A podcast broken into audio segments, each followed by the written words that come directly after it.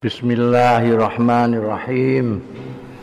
Qala al-muallif rahimahullah ana fa'ana bihi wa bi ulumihi fid dharain amin. Babul wudu minal ina. Bab wudu saking wadah. Ini Indonesia arang-arang Indonesia itu jeding pancuran banyu pirang-pirang ning Arab nganggo inak banyu arang-arang. An Anas bin Malikin saya sahabat Anas bin Malik.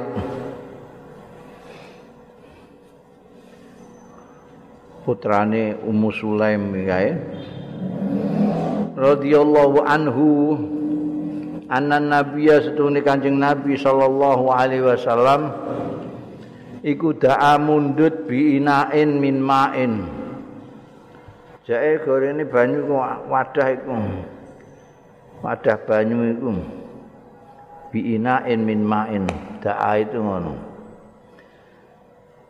Wa utia mongko ditekakake.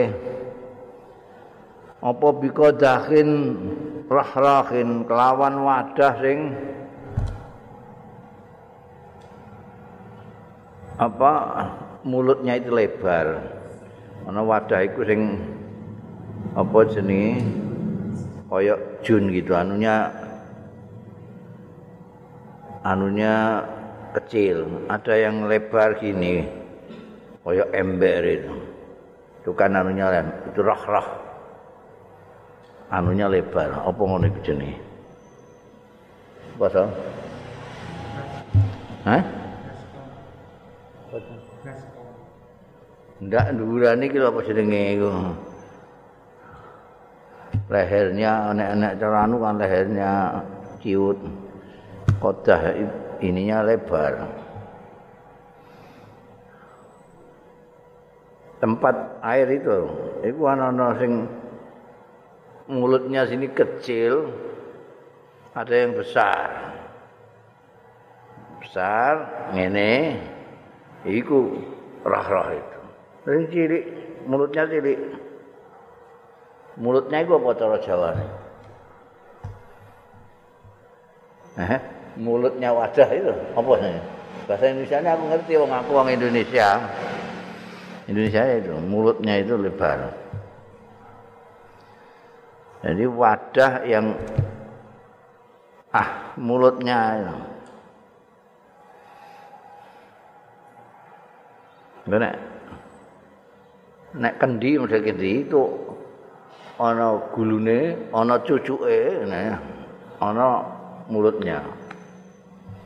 Aku sing kelingan leher cucuk mulut itu apa bahasa Jawa ini? Fihi kang ing dalem kodah Sayun suwi-wiji min main angking banyu. Fawadha mongko nyelehake sapa Kanjeng Nabi sallallahu alaihi wasallam. Asabiahu ing driji-drijine Kanjeng Nabi sallallahu alaihi wasallam fihi ing dalem qadah. Masukkan jari jemarinya Rasulullah ke tempat itu. Qadah yang ombo anu niki mulutnya ini Kala Anas ngendika sapa Anas? Faja'al tu andur mongko dadi sapa ingsun iku andur ningali sapa ingsun ilal mai. Marang banyu yambuk. Nyumber ya mak min baini asal bihi saking antarane jari jemarine Kanjeng Nabi sallallahu alaihi wasallam. Oh dari jari jemarinya ini mengalir air Kala Anasun ngendika sapa Anas.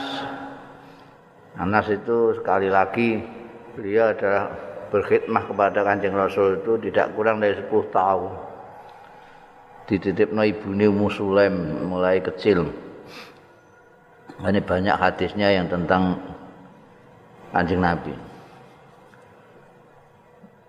Fakhazal fakhazal tu mongko naksir sapa ingsun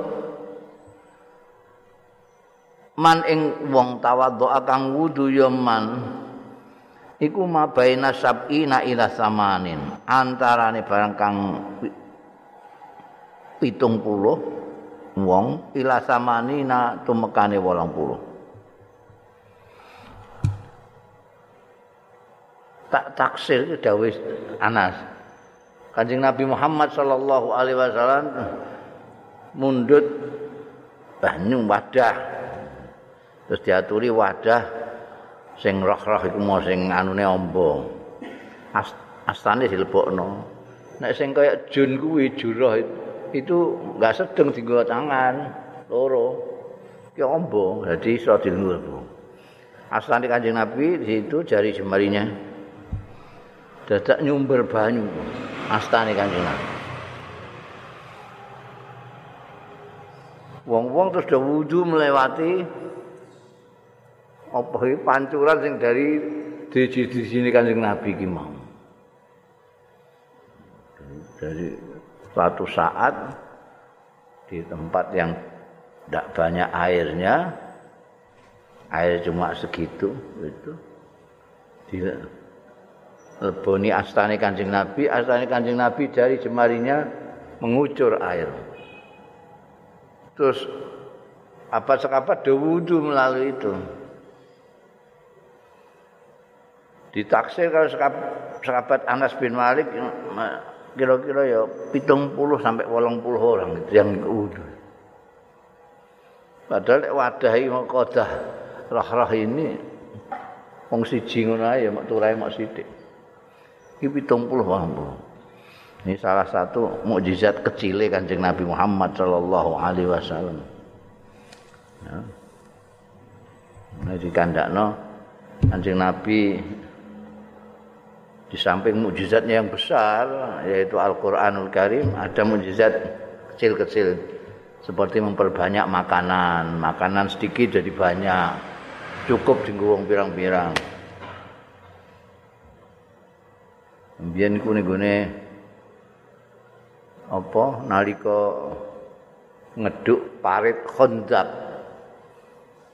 Karena akan perang Ahzab itu serapat atas usulnya Salman Al Farisi kita bikin parit supaya orang kufar Mekah tidak bisa seenaknya. Nah, dia harus meloncati parit. Do kerja bakti. Termasuk kanjeng Nabi Muhammad Sallallahu Alaihi Wasallam. Nah, ada salah satu sahabat itu. Roh kanjeng Nabi melok kerja kuringete gua penuh debu. Terus gak ibadinya terus mulai untuk karo bojone. Kowe ndi apa iku aku ndelok Kanjeng Nabi Muhammad sallallahu alaihi wasallam. Gak mentolo aku. Kowe iku melok malah wong-wong sing gak kuat apa madung watu Kanjeng Nabi sing Anu duwe mau iki tok. Jadi makanan itu hanya sedikit. Wakila ono cempe ini sitok ono. Nah terus bareng gue ya masak masak gue. Kira-kira matangnya jam piro aturannya. Kira-kira wayai mateng sahabat ini bisi kanjeng Nabi. Kanjeng Nabi niki bojo kula niki ndamel masakan tapi nggih angge jenengan beberapa orang di bisi dadak kanjeng Nabi gembok iki eh dulurmu ame gawe pesta iki bancaan ae ora kabeh serbu serbu mateng aku dene. tak bisik iku ben Kanjeng Nabi tok nek ngejak ya paling sahabat Abu Bakar, sahabat Umar ngono ae. diundang kabeh wong semonaki ya. Ya Allah. Oh, jadi wis enak kabeh nang omah bojone tambah. Lho iku piye karepmu iku piye? Wis tak kandhani iki cukupe mok sepene. Masa aku mau sepene tok iki kok. Aku mau ya wis bisik-bisik. Lha kan Nabi terus ngomongno jare apa piye? Aku kok nglarang piye? Mbah mbah mbah mlayu bojone. Kuasa gak roh, mbah ngono, mbah. Wandani yo. Nabi, iku kanjeng Nabi terus ning pawon iku. Endi masalahnya? Melok ngudek sampe kanjeng Nabi.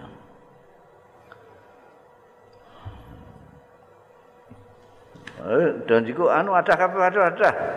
Wadah kanjeng Nabi sing ngedoli. Heeh. Monggo semono lagi. Untuk apa? Iki isih wakil. Itu. Tafsir ta'am itu. Eh, tanduk-tanduk ya. Mantek, mokek-mokek. Isih ana turah. Mun saiki terus kiai-kiai iku nek masak aja didono saka anu iku ben barokah. Ya, ini kanjeng Nabi. Jadi makanan itu terus ini yang sifatno Sayyidina Anas bin Malik ini air wudhu bisa diperbanyak sampai 70 80 orang. Babus tijmar witron. Bab peper witir. Cukup loro tapi sempurnakno telu. Cukup papat sempurnakno lima supaya dadi ganjil. An Abi Hurairah ta, sayang sahabat Abi Hurairah radhiyallahu anhu anna Rasulullah sallallahu alaihi wasallam. Nek nganggo kertas tisu ya ngitunge kowe jikuke pira jret hitung siji sama dengan batu satu. Loro wis sesek tambahi sak meneh. Tiga kali supaya witir ya. Nek mbiyen iki hitungane nganggo watu. Sing iso menyerap ya. Aja watu hitam gak iso menyerap. An Abi Hurairah radhiyallahu anhu anna Rasulullah satuhune Kanjeng Rasul sallallahu alaihi wasallam Kala dawuh ya Kanjeng Rasul Idza tawaddaa ahadukum nalikane wudu sapa ahadukum salah siji kabeh falyaj'al. Monggo supaya ndadekake ya akadukum fi anfi ing dalem irunge akadukum ndadekake banyu banyu lebokno ning irung kaya wingi istinsak. Sumaliantul mongko keri-keri gebresno sapa akadukum lebokno aja mbok serot ditokno meneh. Itu hanya sekedar untuk membersihkan rongga-rongga hidung itu.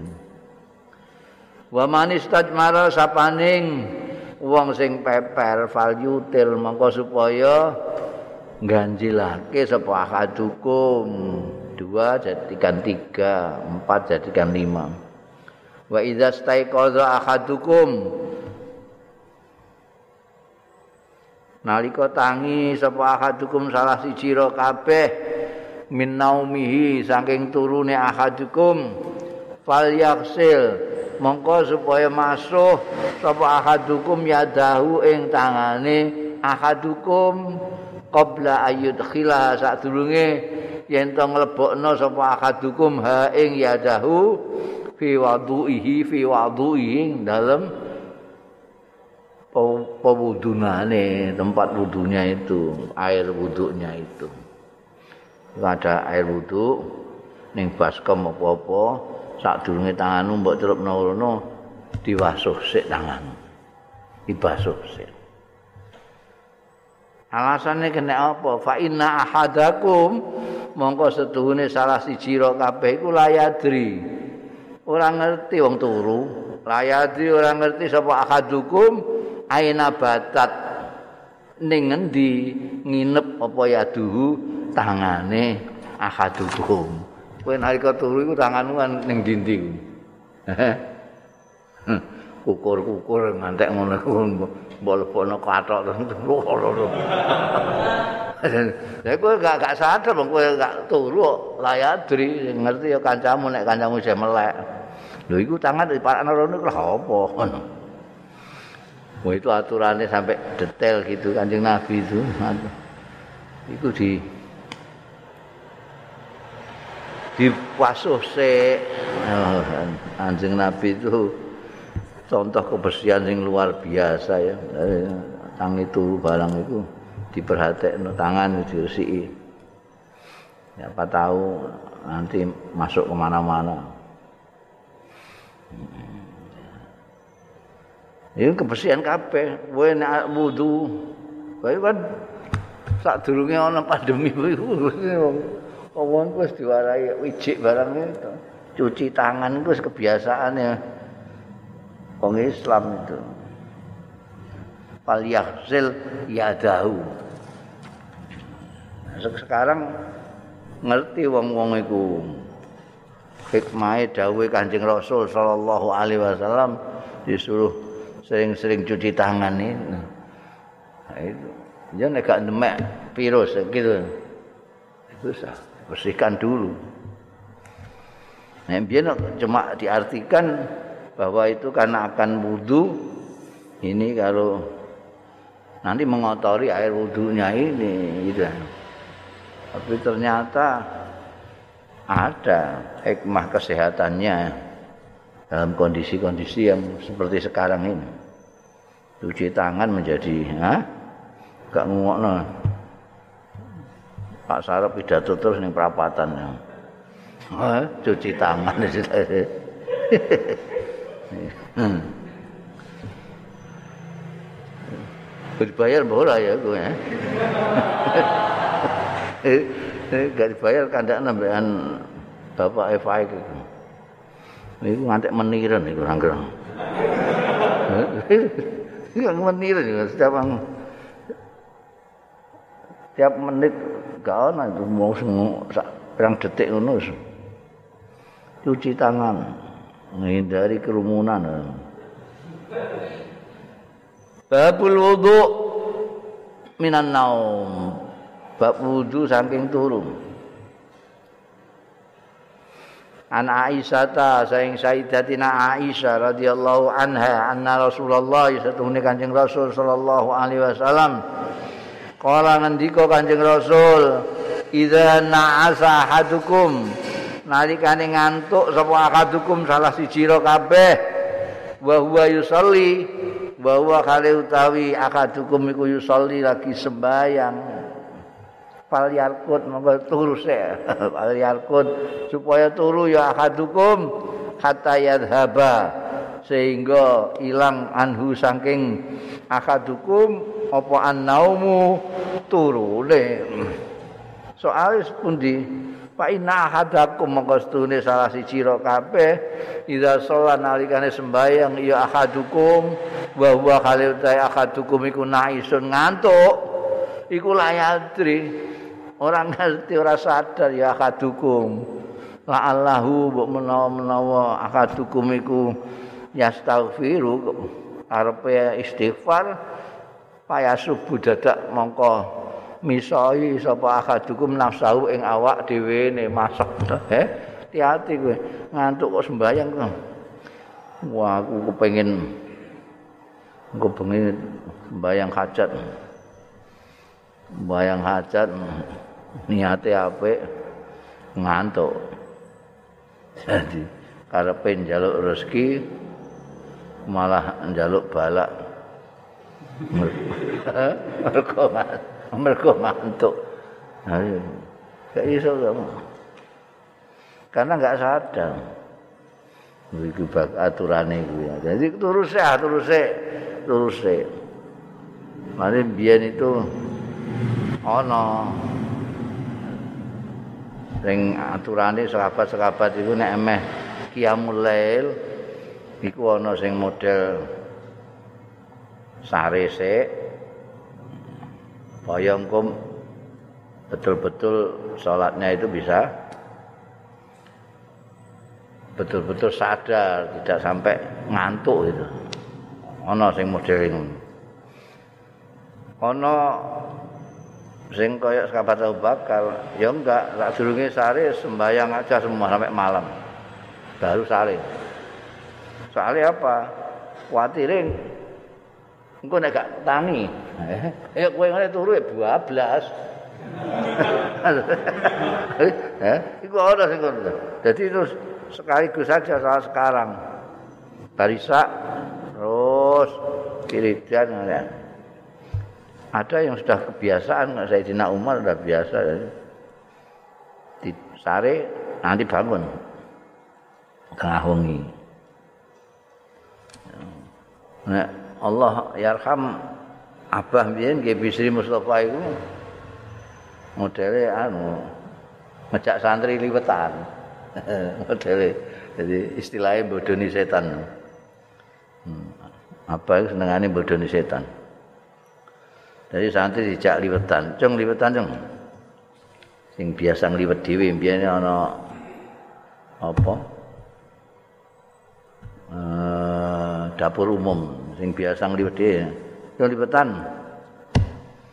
Enggak tak kayak beras, beras segala macam.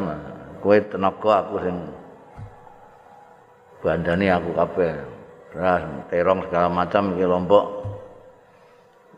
Aku liwet Nek semateng aku gugah ya.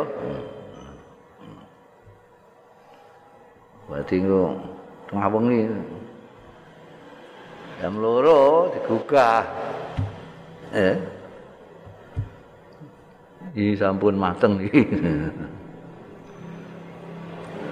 Terus wungu, wungu ning jeding mangan. Mangan ijik agak sembayang ya mulai setan nek gak dibodoni ngono iso gak tangi aku. Bodoni memangan setane setane terus mendorong mendukung ah. Mangan nih jadi soal dunia itu setan mendukung. Nek muni meh mulai wah disebuli kan. Ben turu dia kali ngono iku santri sing kon liwet engko nek jam loro mateng gugah tangi mosok bar mangan terus turu neh seger iso sembahyang.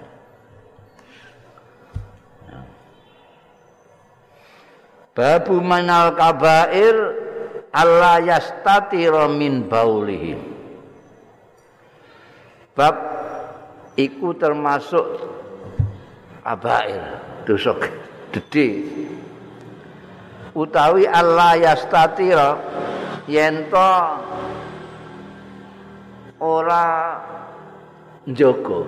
Yastatir asale nutupi itu maksudnya ora kok nutupi nganggo sarung nganggo gak nutupi jangan sampai min bauli ini kok. Terus terusnya kan min bauli. Yastatir mimbauli saking nguyuhe wong. Allah yastatir yen to ora njaga sapa wong min baulihi saking uyuhe wong jadi kowe nguyuh itu jaga jangan sampai nyiprat ning sandanganmu nyiprat ning katokmu nyiprat ning sarungmu nyiprat ning gone pupumu nyiprat ning kudu dijaga Nek ora iso dadi gawe. Iku maksudnya ya statir ning kono iku. Njogo supaya jangan nyiprati najisi yang lain-lain. Hmm? Kadang-kadang orang itu kan naik ke susu ya cara segala apa kena kene kena kene orang digatekno gitu. Bahaya. An Ibni Abbasin saking sahabat Abdullah bin Abbas radhiyallahu anhuma Kala ngendika sapa bin Abbas. Pada waktu itu termasuk sahabat muda ya. Karena putranya Sayyidina Abbas. Sayyidina Abbas itu pamannya kanjeng Nabi tapi se, ya sepantaran dengan kanjeng Nabi. Jadi Ibnu Abbas ya sak pantaran putrane lah.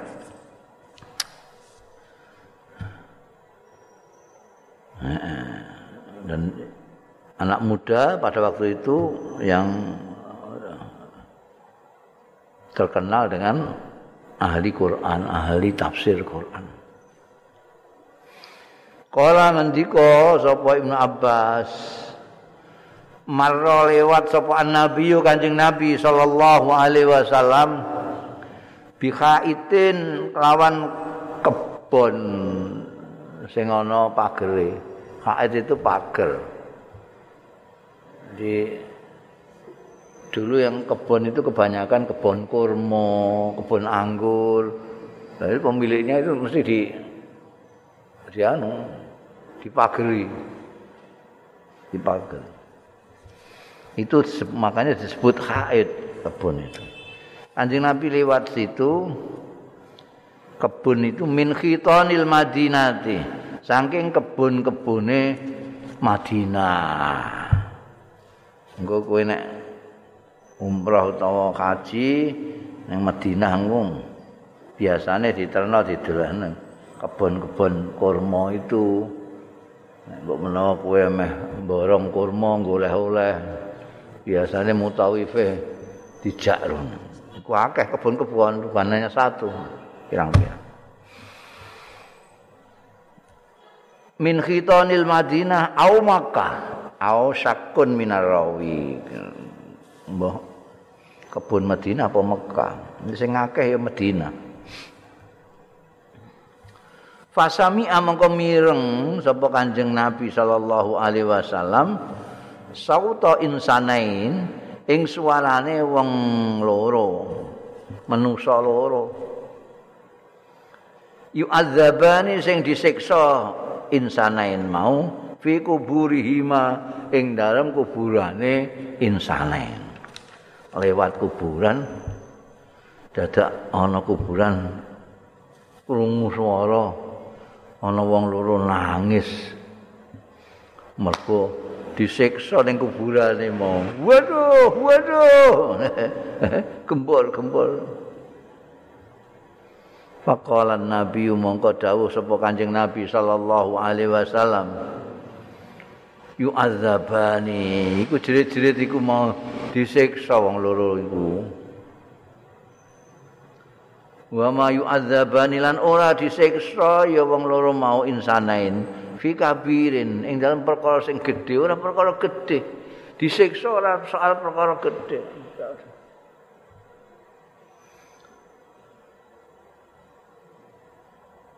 Sumakola mau kari jadi beliau itu mendengar terus cerita ya. Nah, mungkin rombongannya juga dengar piye terus dijelasno mbek Kanjeng Nabi mereka berdua ini dua orang ini jerit-jerit mergo disiksa. Dan mereka disiksa bukan karena persoalan besar itu. Umakola mongko keri-keri dawuh sapa Kanjeng Nabi sallallahu alaihi wasallam. Bala iya kana ahaduhuma ana sapa salah sijine insanain iku layas tatiru min baulihi. Kan sepele ora perkara gedhe. Ora perkara gedhe. Ana sapa ahaduhuma salah sijine insanain iku layas tatiru min baulihi. Ora ngreksa min baulihi ya ahaduhuma min bauli saking pipise ahaduhuma ora direksa. Nyiprat-nyiprat ning dindi kan persoal ora perkara gede perkara kecil tapi disiksa. Sementara wa kanal akharu lan ana sapa liyane kan dua orang. Iku yamsi lumaku ya akhir bin nami mati kelawan adu-adu. Ini orang yang adu-adu kan menganggap ini perkara sepele juga. Wong aku mau kan muni ngono rono mrene ngono. Mengadu domba. Ketoke sepele. Besar itu hukumannya ning gone kuburan. Ini dua dua dosa yang disepelekan orang dianggap tidak besar tapi besar karena diajar itu dihukum diazab itu kan ya besar itu. Makanya jangan disepelekan ini. Jaga nalika pipis. Terutama kowe nek nguyah ning depan umum ya, teman. Itu biasanya ada faktor kesusu, ono faktor mate nek ditinggal bis barang ngono iku ya. Malah kadang-kadang durung mbok kancingno kathok ya.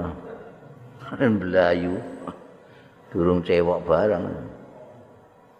itu hati-hati itu sepele kemudian namima itu rono rene mau saiki ora perlu rono rene kowe arek drijimu ae mbok mbok ngutak-ngutak HP-mu iso namima luwih enteng meneh penggaweane berat sanggane mergo dadi siksa kubur Nauzubillah min dzalik Sumada'a mongko kari-kari mundut Kanjeng Nabi, jae aku jikukno iku bijari daten lawan jarida pelapah kurma itu. Jae pelapah kurma gorene. Fakasaroha mongko mecah ya Kanjeng Nabi ha ing jarida.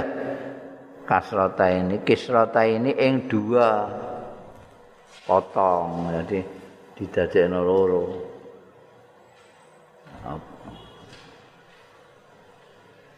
kelapa kurma iki disuwek dadi loro. Fawadoa ala kulli qabrin min huma mongko meletakkan apa Kanjeng Rasul sallallahu alaihi wasallam ala kulli qabrin ing atase masing-masing kuburan min huma. Saking kuburane insanain mau kisrotan ing satu bagian. Dari pelepah satu jadikan dua dosok nih masing-masing kuburane wong loro iki mau Fakila mongko diaturake lalu marang Kanjeng Rasul sallallahu alaihi wasallam. Ya Rasulullah duh Kanjeng Rasul lima fa'alta hadza? Lho kok jenengan ngaten menika ora? Napa? Lima saking napa fa'alta nindakaken panjenengan hadza ing menika? Jenengan paringi pelapah barang niku napa? Pundi la allahu mbok menawa-menawa kelakuan. Iku ayu khaffaf ayu khaffaf yen to dientengake anhuma saking insana ini mau apa ma barang? La ayu khafafu dientengake anhuma saking insanain malam taibasa sagine durung garing iya jari date jari date kisroten ya rujuke ning kisroten mergo wis didadekno loro.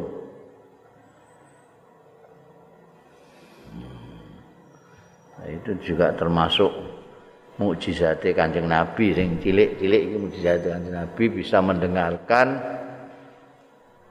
bisa mendengar apa yang terjadi di kuburan dan mencoba meringankan siksaane wong sing ning kuburan itu dengan meletakkan potongan lepah itu. Ada saiki dinggo anu nek ana ning kuburan diletakkan saya saiki malah kembang kembang pirang-pirang nek tuntunane kanjeng nabi itu ya ya godhong-godhong ae godhong apa lepah nek nek saiki gak gak ono. Wong sing ning gone kuburan gawa lepah klopo lho gak ono.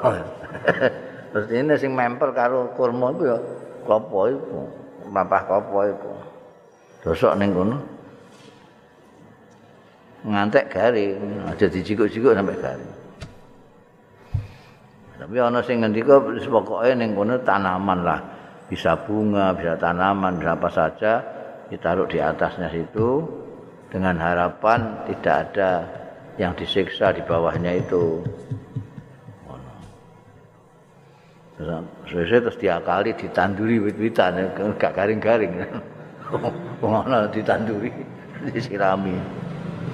Ini Imam Nawawi Imam Nawawi ning Syria kono iku wite ngantekan gedhe di atas makomnya. Bangunannya barang ya menyelinap di antara wit wite besar. Mm -mm. Nah, itu gak garing-garing.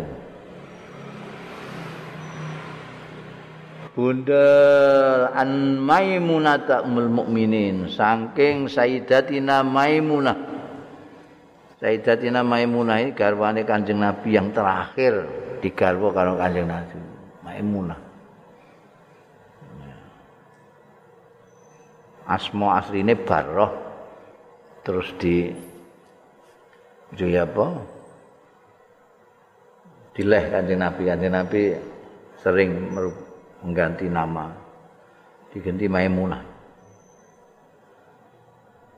Maimunah Umil Mukminin Maimunah ini Sayyidatina Maimunah ini duwe dulur sing digarwa Sayyidina Abbas.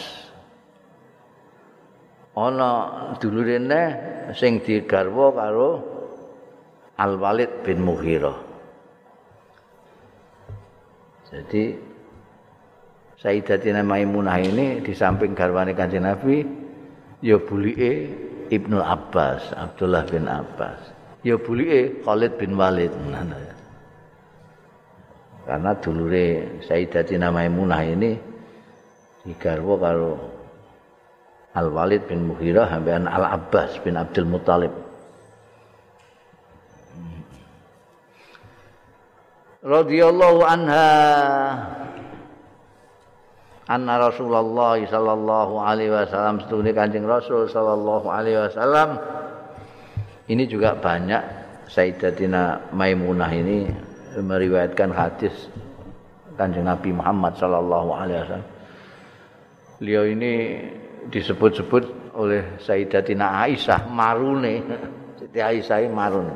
Disebut sebagai yang paling takwa atkona paling takwanya istrinya kanjeng Nabi disebut Siti Aisyah ini beliau dan paling seneng silaturahmi.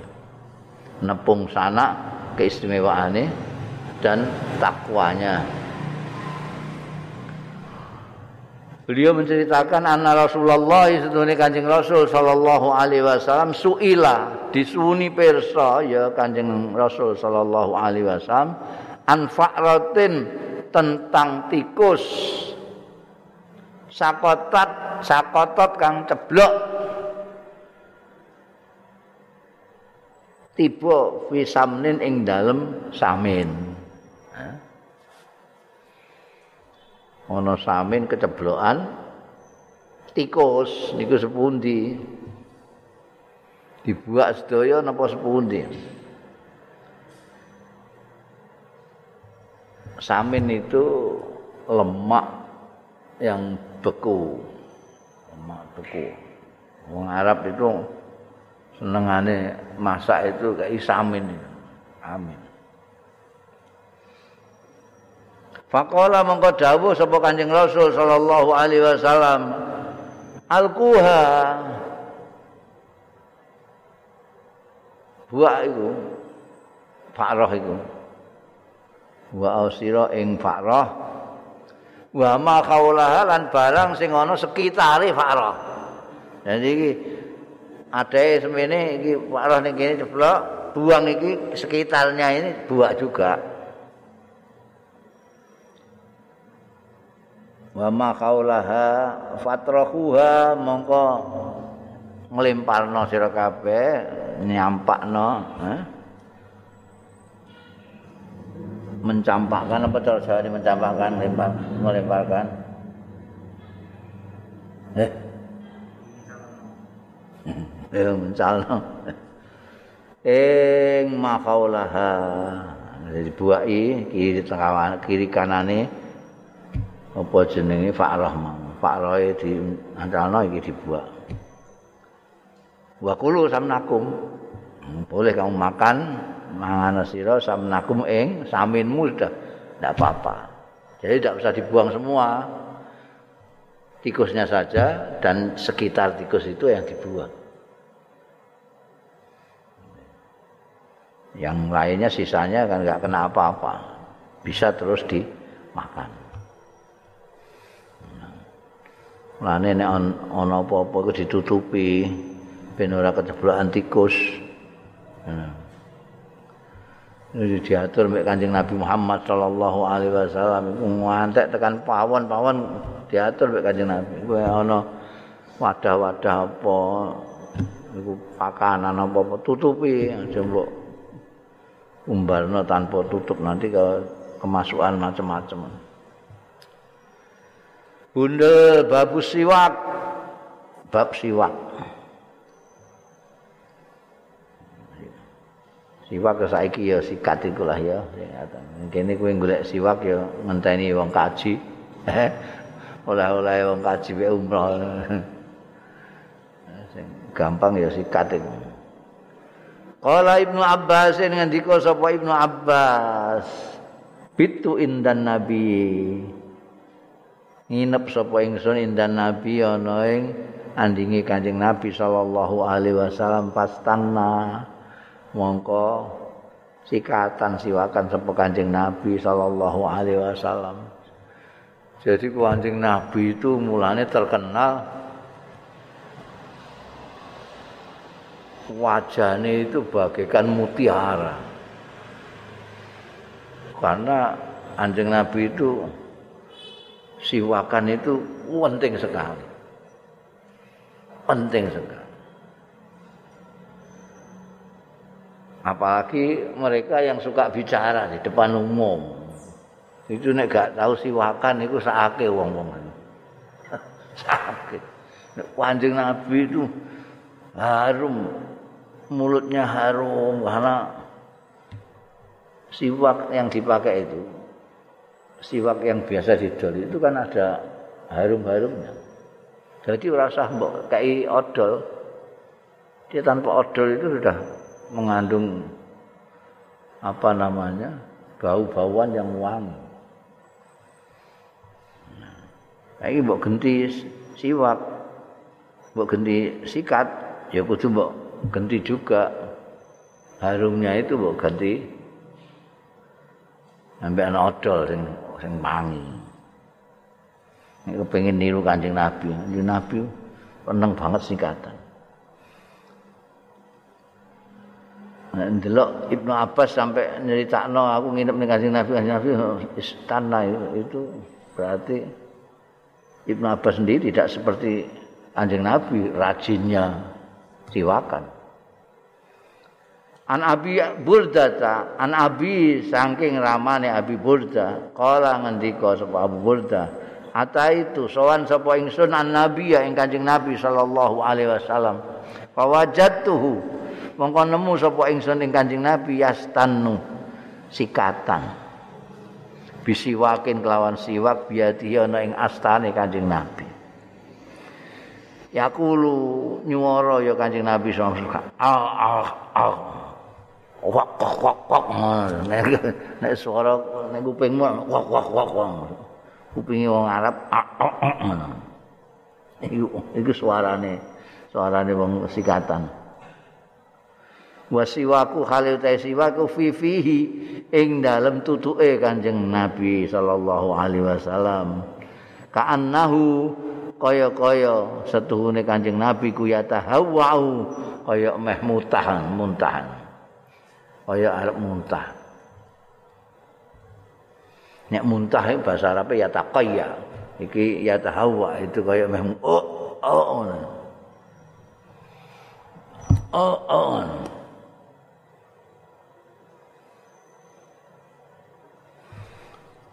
An Hudzaifah sayang sahabat Hudzaifah. Kala ngendika Hudzaifah kana nabiyyu ana sapa Kanjeng Nabi sallallahu alaihi wasallam Iza koma nalikane jumeneng ya Kanjeng Nabi sallallahu alaihi wasallam minal laili saking bengi arep salat tahajud arep qiyamul lail ya susufahu mongko ngresiki Kanjeng Nabi. Sikatan fahu ing tutuke Kanjeng Nabi bisiwake kelawan siwak siwak itu memang Kanjeng Nabi di selain kebersihan-kebersihan yang lain teristimewa siwak. Mulane ahli-ahli fikih ngandakno nek siwakan itu sunnah muakkad. Sunnah yang dikukuhkan. Karena Kanjeng Nabi hampir tidak pernah tidak siwakan. Mau bangun tidur, akan tidur, akan sholat mengbengi, bahkan dawuh laula an asyqa ala ummati la amartuhum bisiwak inda kulli salatin au kama qala Rasulullah sallallahu alaihi wasallam. Jangan ngendika ngono. Ini perpaduan antara pentingnya siwakan dengan belas kasihnya kanjeng Nabi terhadap umatnya itu kelihatan di dalam dawuh ini laula an ala ummati la amartuhum bisiwak. Seandainya saya tidak memberatkan kepada umatku, aku akan perintahkan mereka itu siwakan setiap akan sholat. Banyak sekali itu hal-hal yang kanjeng Nabi tidak ingin umatnya itu merasa berat. Beliau sendiri tidak masalah. Berat tidak masalah. Tapi umat jangan. Kayak anjing Nabi itu misalnya tidak makan dua hari dua malam. Ini sudah masalah bagi beliau. Tapi kalau melihat sahabatnya satu hari satu malam saja tidak makan, itu kanjeng Nabi sudah susah ya karuan. Kudu digolek nemangan iki. Kaliran iki gak semaput siwak itu. Ini menunjukkan pentingnya siwak. Ya saiki mbok manani sikatan lah tapi juga sing sering kaya Kanjeng Nabi. Tur kan zaman itu berubah nek saiki kowe terus siwak kanggo konoan terus. Eh? Kaya eh sapa sing maca maca Quran yang MTQ lho. Mesti nggo konoan. Menawa nek nggawa siwak iso menang lho. Tak durunge kira apa apa apa ngono. Terus di disai ngene. Nah, itu malah jijiki wong ya. Hmm. Ana sing kepengin ora jijiki terus dikai adah pulpen. ya siwake dikai adah pulpen jadi centelno kaya pulpen. Buka yang tinggal siwakan. Gue ganggu sikat aja sekarang kan udah sikat. Ya kaya mbiyen santri mbiyen kan siwakane orang nganggo kayu arah itu bukan nganggo driji. Mbiyen malah karo driji. Modele bataden. Boto dideplok. Itu praktis banget. Boto terus kene bener. Puriye apa sih? Supaya ya susu fama. Jadi supaya mulut ini bersih. supaya karena di situ tempat makanan baksil baksil di sini banyak sekali apa sih nggak melbu nih kono sambal terong. Melbu balung pitik melbu eh? Bisa bako rokok. Eh? dan kopi segala macam masuk ning kono kabeh. Terus ora sikatan ora dibersihkan menurut maka lihat ajaran kanjeng Nabi ada matmadah ada gharghar jadi ada kemu ada ngantek ngono kae ada istinsyak ada siwakan semuanya untuk kebersihan jadi nek wong Islam Emproh. Iku gak masuk akal. Melane Kanjeng Nabi Muhammad sallallahu alaihi wasallam itu bisa dikenali orang meskipun sudah lewat. Kowe lewat gang kuwi Kanjeng Nabi bar lewat. Karena baunya, harumnya itu tercium. Kanjeng Nabi ana bocah pirang-pirang yang satu dipegang Kanjeng Nabi. Kowe iso niteni iki sing dipegang Kanjeng Nabi. Karena anjing Nabi itu mencuci tangan, siwakan, pokoknya yang bangsa kebersihan itu sangat-sangat dicontohkan ya dijaga. Umat itu sing rada piye.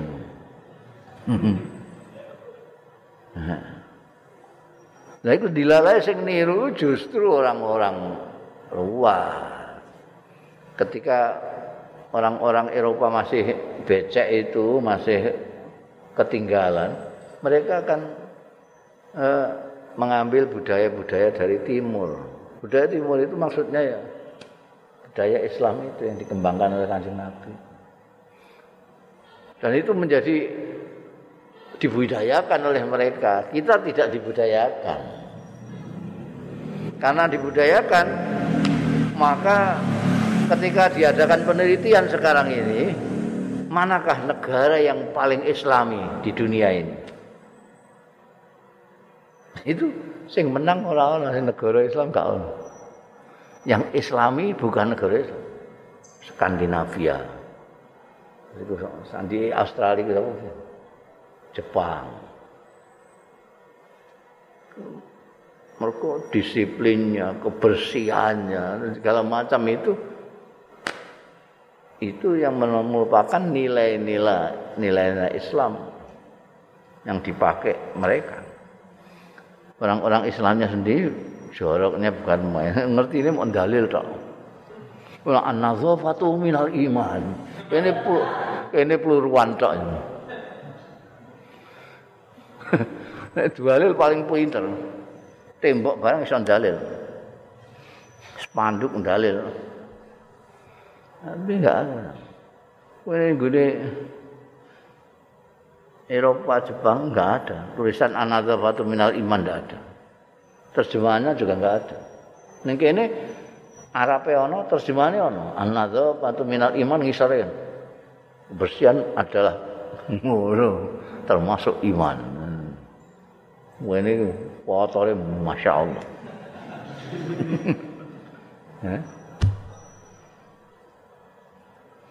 panggonan yang paling suci itu masjid itu. Lah masya Allah jorok banget. Iji iku jiane iku mbuh banyu mbuh peceren gak jelas. Karena kita tidak memahami contoh kebersihannya yang kita eling-eling fakiyai gak najis. Ngono ta gak najis. Jemberilah pokoknya gak najis.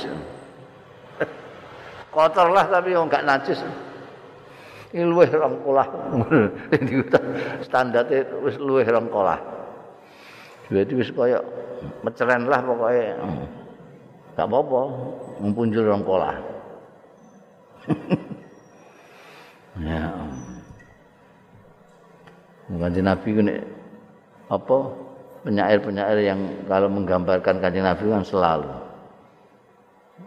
apa giginya bagaikan mutiara, mutiara karena memang selalu digosok terus gosok gigi. Ora kok kuning kaya lambang Golkar.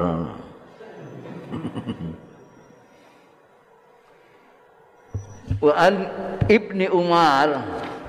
Saking Abdullah bin Umar wallahu alam